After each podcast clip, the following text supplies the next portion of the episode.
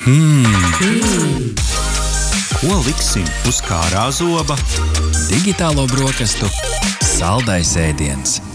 Labrīt, klausītāji! Sveicam jūs atpakaļ pie digitālo brokastu galda. Turpmākajos četros raidījumos atskatīsimies uz tehnoloģiju pasaules aktualitātēm aizvadītajā gadā. Un šodien runāsim par galvenajām mākslīgā intelekta attīstības un pielietojuma tendencēm 2022. gadā. Un par to visu sīkāk vaicāsim mūsu šīs dienas raidījuma viesiem. Ar mums kopā ir Latvijas Universitātes profesors Guntis Bārziņš. Labrīt! Labrīt! Kā arī Rīgas Tehniskās Universitātes pētnieks un mākslīgā intelekta uzņēmuma vadītājs Evalds Urtāns. Sveiki! Kungi, tad, tad tas atverošais jautājums varbūt nedaudz tam mūsu uh, klausītājiem ieskicētu par to. Um, man vienmēr ir tas jautājums, uh, kas tad ir mākslīgais intelekts un kas nav mākslīgais intelekts. Jo, manuprāt, tas mūsdienās aizņemoties tādu angļu terminu, ir tāds buzzword. Ja man gribās padarīt savu produktu kādam investoram, kādam pircējam pievilcīgu, tad teiksim, ka tas ir gudrs un tam ir mākslīgais intelekts. Vai viss, kas izdara izdara kaut ko šķietami gudru, ir mākslīgais intelekts, Gunti. Kā, kur tu novelc to līniju? Nu, tā līnija vēsturiski ir vilkta tiešām krustu šķērsa, bet nu, jaunajos laikos tie lielie panākumi, par kuriem droši vien arī šodien, kāpēc mēs runājam, saistīti ar neironu tīkliem. Un, ja runiet par neironu tīkliem, tad tā ir metode, kas mācās no datiem. Mēs paši vairs programmu nerakstām. Neironu tīkls pats no datiem izvēl to tās likumsakrības, kas datos ir atrodams, vai nu tulkošanas algoritmu, vai attēlu ģenerēšanas no tekstiem algoritmu, vai kaut kāda savādāk. Tā kā tāda īsa definīcija no manas puses būtu, ka tas ir no datiem mācās neironu tīkls. Tā ir šaurāk nekā vēsturiski. Mm -hmm. Bet, Evald, kā tas ir? Mācās no datiem. Tad tam datoram ir jāiemācās mācīties, vai ne? Nu, tur ir tādi uh, gudri algoritmi, uh, kuri palīdz to mācīšanos veikt. Bet uh, nu, tā publikai, lai to izprastu vieglāk, ir, vai varbūt ne tik vieglāk, ir pamatā ir matemātiskās funkcijas, nevis programmas kods. Tur nav neviens likums ieprogrammēts iekšā tādā augstā skatījumā, tajos mūsdienu modeļos, kas ir tie labie rezultāti dzīvās mašīnu mācīšanās. Un, un tad tas viss tā baigi uz, uzplauka, tāpēc ka uh, Uh, Nesoties to, ka teorija jau kādu laiku eksistē, bet uh, pēdējā laikā ir pieejami ļoti spēcīgi skaidrošanas resursi, liela apjoma dati, un tad tas viss kopā mm, ir nonācis līdz tam, kur tas ir nonācis. Jā, jau pieminējāt, ka nu, tie skaitļošanas resursi ir palielinājušies un arvien palielinās.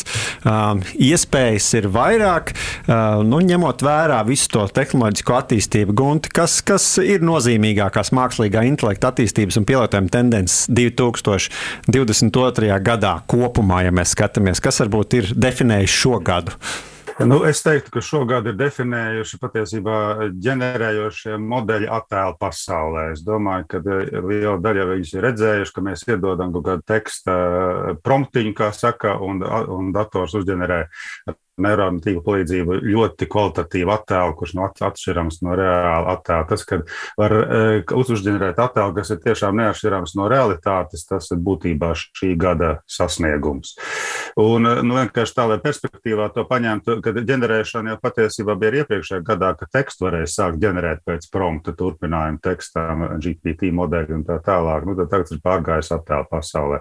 Es teiktu, ka tas definē 2022. gadu. Mm -hmm. Man mazā pievilka atbildi klausītājiem prompts, tas ir jautājums. Latviešu valodā kaut kāds tekstuāls jautājums, nu, līdzīgi kā mēs jautājam kaut ko meklēšanas servisiem, piemēram, vai negunti. Nu, tā, lai cilvēks saprotu. Mhm. Tā, tā var teikt, ka tas, ko mēs Google, Google meklēšanas laukumā redzam, tā arī var teikt, ka tas ir jā, jautājums.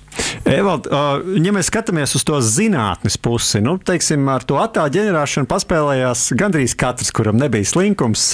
Bet, ja mēs skatāmies uz, uz zinātni, kas varbūt tur bija tie, tie, tie lielie vai mazie soļi uz priekšu, kas varbūt ir satricinājuši mākslīgā intelekta pasauli? Tādas lietas, kas varbūt vairāk izprotams cilvēkiem, kas nav ļoti saistīti, ir Viens ir, ka vēl joprojām dominē um, tas GPU superspēku uh, tas līmenis uh, zinātnē, jo, ja, ja to tādus generatīvos modeļus, par kuriem runāja Guntis, un arī pirms tam var, var, var apmācīt ar dator, tādiem superdatoriem, kur ir 300 video kartes, kur katra maksā 20,000 eiro.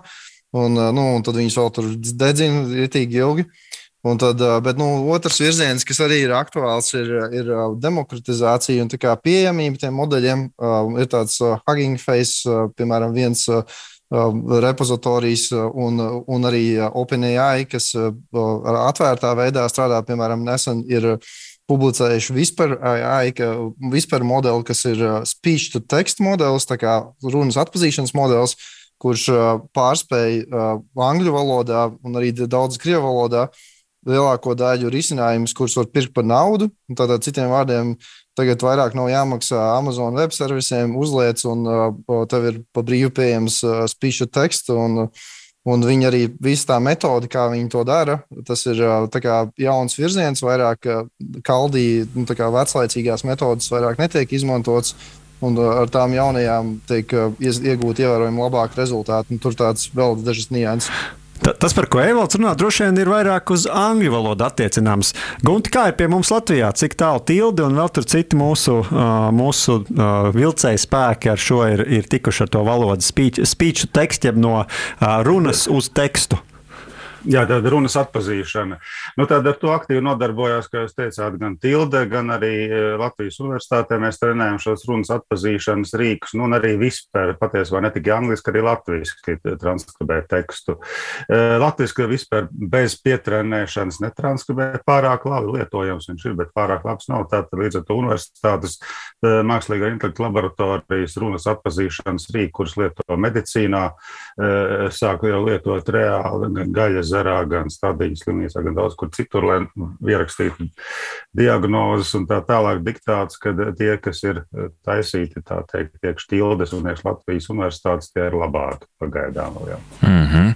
no, no šī piemēra saprotu, ka kvalitātes līmenis ir patiešām pieņemams, jo, ja kaut kas ieiet medicīnas lauciņā, nu, tas nevar būt uh, gunt, tā teikt, tāds puskoka lēciens vai plānā galdiņa urpšana. Nu, taču medicīna tomēr tāda sensitīva tēma. Lieta, jā. Jā. Jā, līmenis ir ļoti augsts, un līdz ar to šie runas apziņai speciāli trenēti uz medicīnas tekstiem.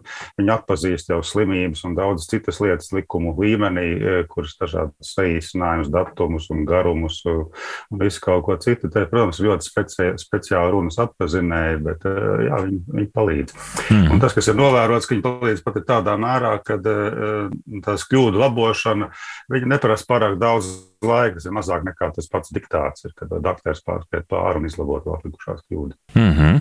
um, Evalda, paturpināsim ar tevi, un es atļaušos uh, no Gunta paņemt to viņa aizsākto piemēru par, tie, par to attēlu apstrādi, jo patiešām ziņās mēs esam stāstījuši par visādiem uh, brīnumiem. Tas pats aktieris Brūss Vilis savu digitālo dvīni uh, uzģenerējis, Darth Vader balss uh, filmās turpmāk uh, tiks ģenerēta ar mākslīgā intelekta palīdzību. Šie dažādie attēlu apstrādes un vienkārši ģenerēšanas piemēri ir bijuši dažni dažādie.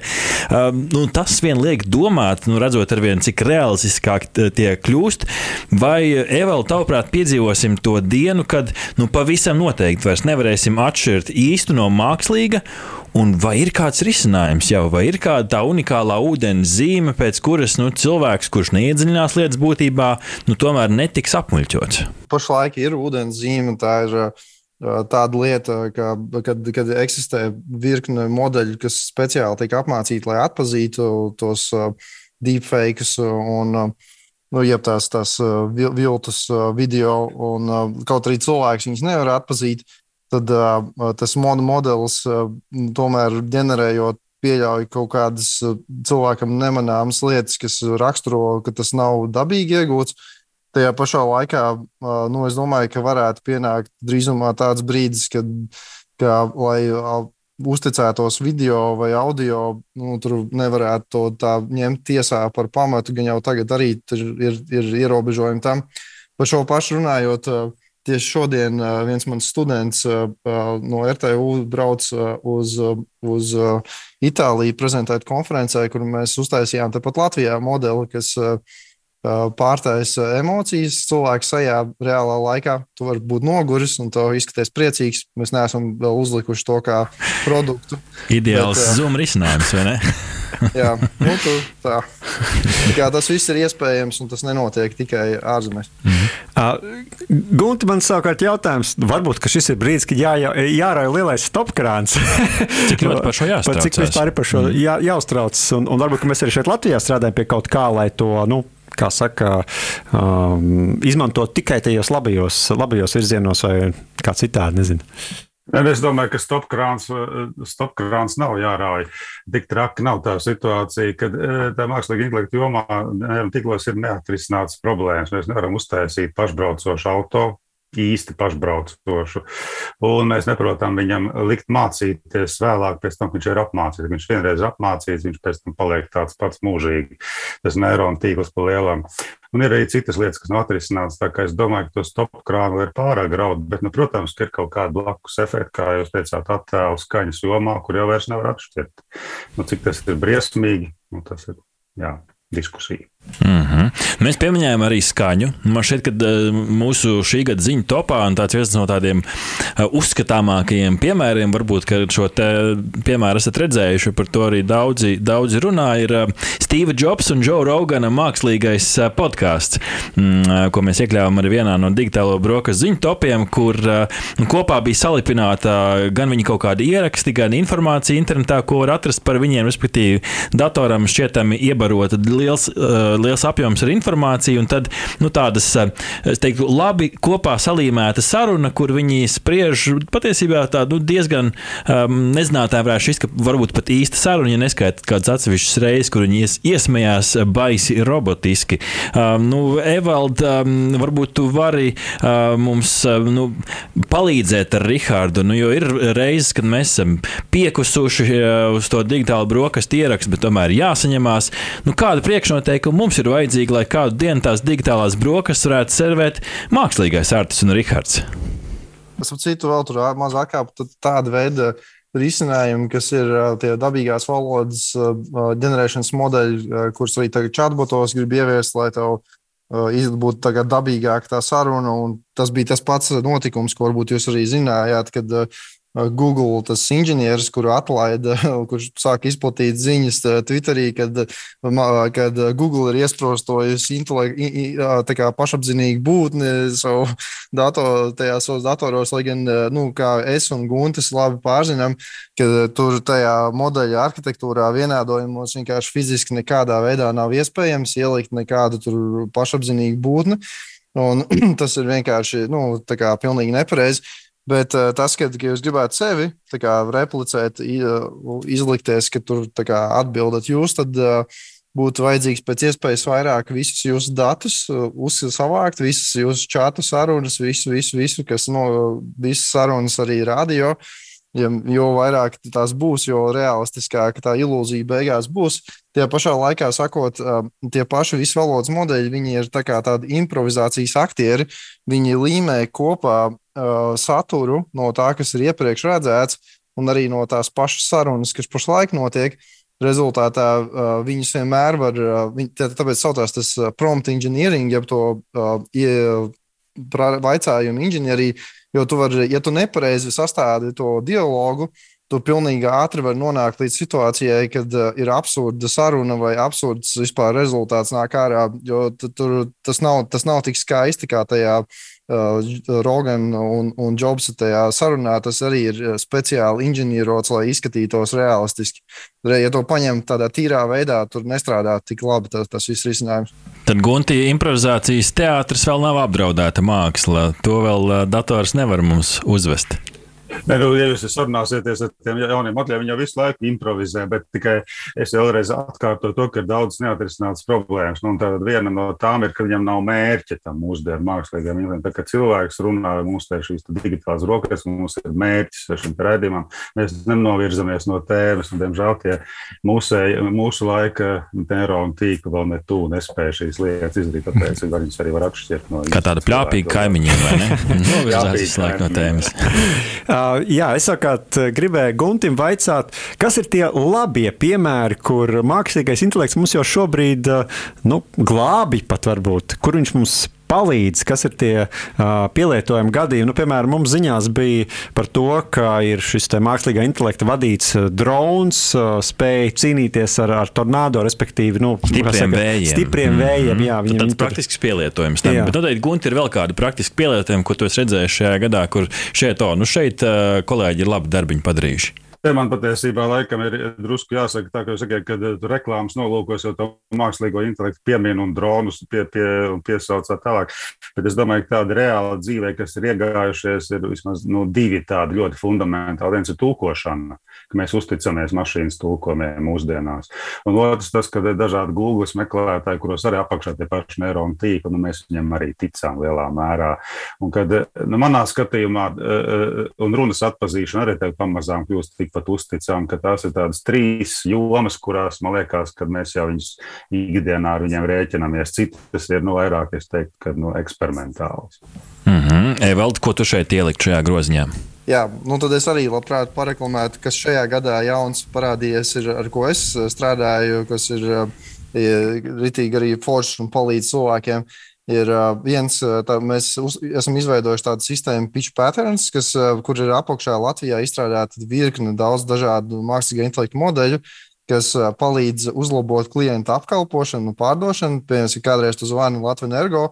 Un tur, piemēram, ir noguris tante pretī, ka varbūt ir nejauki izturās pret tevi.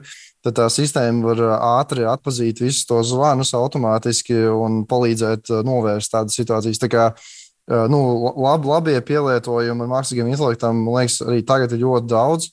Un, un, un viņi nav tikai ārzemēs, viņi arī pie mums ir. Mm -hmm. nu, nu, līdz šim mēs runājam par tādiem pielietojumiem, bet kas varbūt ir kādi tie nu, filozofiskā līmeņa jautājumi, kur šobrīd ir, ir, ir jāatrisina? Atceramies, kādu laiku atpakaļ nu, medijos izskanēja ziņa, nu, tad gudrie prāti spriež par to no, nosacīti paš, pašbraucošo, nu, sauksim to par asistēto braukšanu, kurā brīdī tur kāds lēmums jāpieņem, jābrauc virsū, jābrauc malā, kurš tur ir glābjams, tas, kas uz ceļa vai tas, kas pie stūres. Nu, kas varbūt, ar ķiveri vai bez ķiveres? Nu, jā, kas varbūt ir kaut kādi tādi filozofiski izaicinājumi, kas ir bijuši saistībā ar mākslīgo intelektu, vai jums nav kaut kas nāk prātā no šī gada, kur arī cilvēki dzēra, dzēra kafijas līdz garam vakaram un kasīja prātus, kas tad ir jāatrisina. Ir kaut kādi tādi filozofiski izaicinājumi, kuriem mēs šobrīd saskaramies? Jā, nu, grūts jautājums, tāpēc es te neraujos atbildēt. E, kad, protams, ka te ir daudzi, kas e, par šo mākslīgā intelektu iespējām filozofē, vai viņam ir dvēsele vai nav, un kā jūs te teicāt, un tā tālāk, vai viņš pareizi rīkojās, vai tur ir ķivēra galvā tam, kam bezizēja situācija, ko darīt automobīlim. E, es domāju, ka tas ir stipri pārāga šī dis diskusija, jo tas mūsdienu mākslīgais intelekts, kā es teicu, viņš mācās no datiem, kas datos ir redzams, kuram brauc virsū virsū, kuram nebrauc virsū, tā arī viņš uzvedīsies. Tur nav likuma iekšā. Ka līdz ar to tā, tā pieeja, ka it kā tam mākslīgam intelektam būtu kaut kāda likuma, morāla, kaut kas, tas ir drusku, es teiktu, nepareizi. Viņš vienkārši mācās no datiem. Gan tas, ko viņš runā, gan tas, ko viņš zīmē, gan tas, kā viņš brauc. Bet uh, es vēl papildinājot šo pašu, tā, tā ir tā, tomēr kaut kāds tas etiskais un, un tāds datu virziens. Uh, filozofisks, varbūt arī saistībā ar to pašu, ko Guns saka, kad uh, tie paši lielie valodas modeļi un attēlu modeļi, uh, viņi mācās no visiem pieejamiem datiem. Un ir ceļš, piemēram, valodas modeļi, kur ir webcrawl, kas ir milzīgs datu kops, kas ir visu internetu pārsteigājušas daudz, daudz, daudz gadus. Un uh, tad, pieņemsim, rezultāts tam modelim varbūt neatbilst tam, kas ir kaut kāds politiskais uzskats kādam. Uh, Un tad beigās ir tā, ka uh, visa pasaule un likumi un da, nu, daba un, un dati saka, ka ir šādi. Nu, visticamāk, ka prototipiski tāda tipa cilvēks atbilst šādam darbam un, un uh, dara to un to un sasniedz to un to. Un modelis to arī pasaka, bet tāpēc, ka politiķi izdomājuši, ka mums ir jā, jābūt kaut kādiem vienlīdzīgiem vai kā, tad, tad mums vajag rezultātu citu, bet modelis mums nedod to rezultātu, jo dati un realitāte ir kaut kas cits. Un tad parādās jautājumi, tad kā mēs tagad viņu piespiedīsim, lai piekrīt nevis realitātei, bet politikai.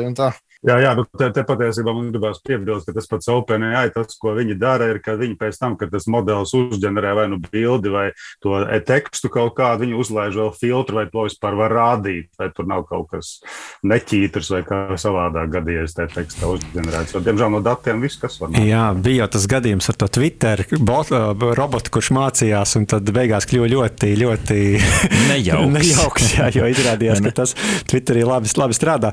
Bet uh, es gribēju nedaudz nedaudz uh, pievērsties tieši Latvijai šobrīd. Un skaidrs, ka arī Latvijā cilvēki spēlējas ar attēlu ģenerēšanu un tieši sabiedrības, plašāk sabiedrības līmenī un, un, un, un tur nezinu, atdzīvina savu, uh, savu bijušo ģimenes locekļu fotogrāfijas, un ne tikai bijušo, un skatās, kā viņi iztīsies vecumdienās. Nu, tur droši vien kaut kur ir vairāk mākslīgais intelekts, kaut kur mazāk. Bet uh, vai mums Latvijā ir uh, bijusi tāda plašāka diskusija, vai tā ir nepieciešama par to, kādi ir riski, kādas ir iespējas, lai izglītotu arī sabiedrību kritiski to domāt, un, un kam vajadzētu būt tiem galvenajiem virzītājspēkiem šādai, šādai diskusijai, jūsuprāt? Jā, es esmu piedalījies. Tagad, kas tur bija, te, tiek plānots sastādīt Eiropas Savienībā likumu, kas saucās AI Act, tā kā līdzīgi kā GDPR Act, kas regulētu mākslīgā intelekta pielietojumu. Un tagad es piedalījos kādās no tām sarunām. Uh, man, ir, man ir vienkārši šausminoši biedē tas, kā Eiropas Savienība plāno savu iešaut kājā. Nu, kā, mēs varam tik ļoti aizšaut pretējā virzienā ar to ierobežojumiem, ka beigās, es domāju, mēs varam nonākt situācijā, kad ar likumu ierobežo tos pielietojumus tādā mērā, ka nu, vai nu tev visur būs tie paziņojumi par kukiem, kad, vai arī tie checkboxiem, kad šausmīgas lietas notiks, ja tu piekritīsi izmantot šo produktu. Un visiem, vien, visiem būs viena alga spiest to virsū, vai arī. Nu, tad, tad labāk tādu vispār ne, neradīt. Nu, man liekas, tā ir problēma. Un šeit tas, ka, kā, ja to atstāja tikai politiķiem darīt, tad, nu, tad mums tur beigās var būt tāda situācija. Mm -hmm, Gunte, piekrīti? Jā, es pilnīgi piekrītu, ka diemžēl Eiropa šajā mākslīgā intelekta neironu tīkla jomā drusku atpaliek jau no pasaules. Un tas, ka ar likumdošanu tas vēl vairāk ir centieni to visu ierobežot, nu, tas noteikti, saka, mēs šaujam sev kājā. Bet nu, cerams jau, ka tik traki nebūs.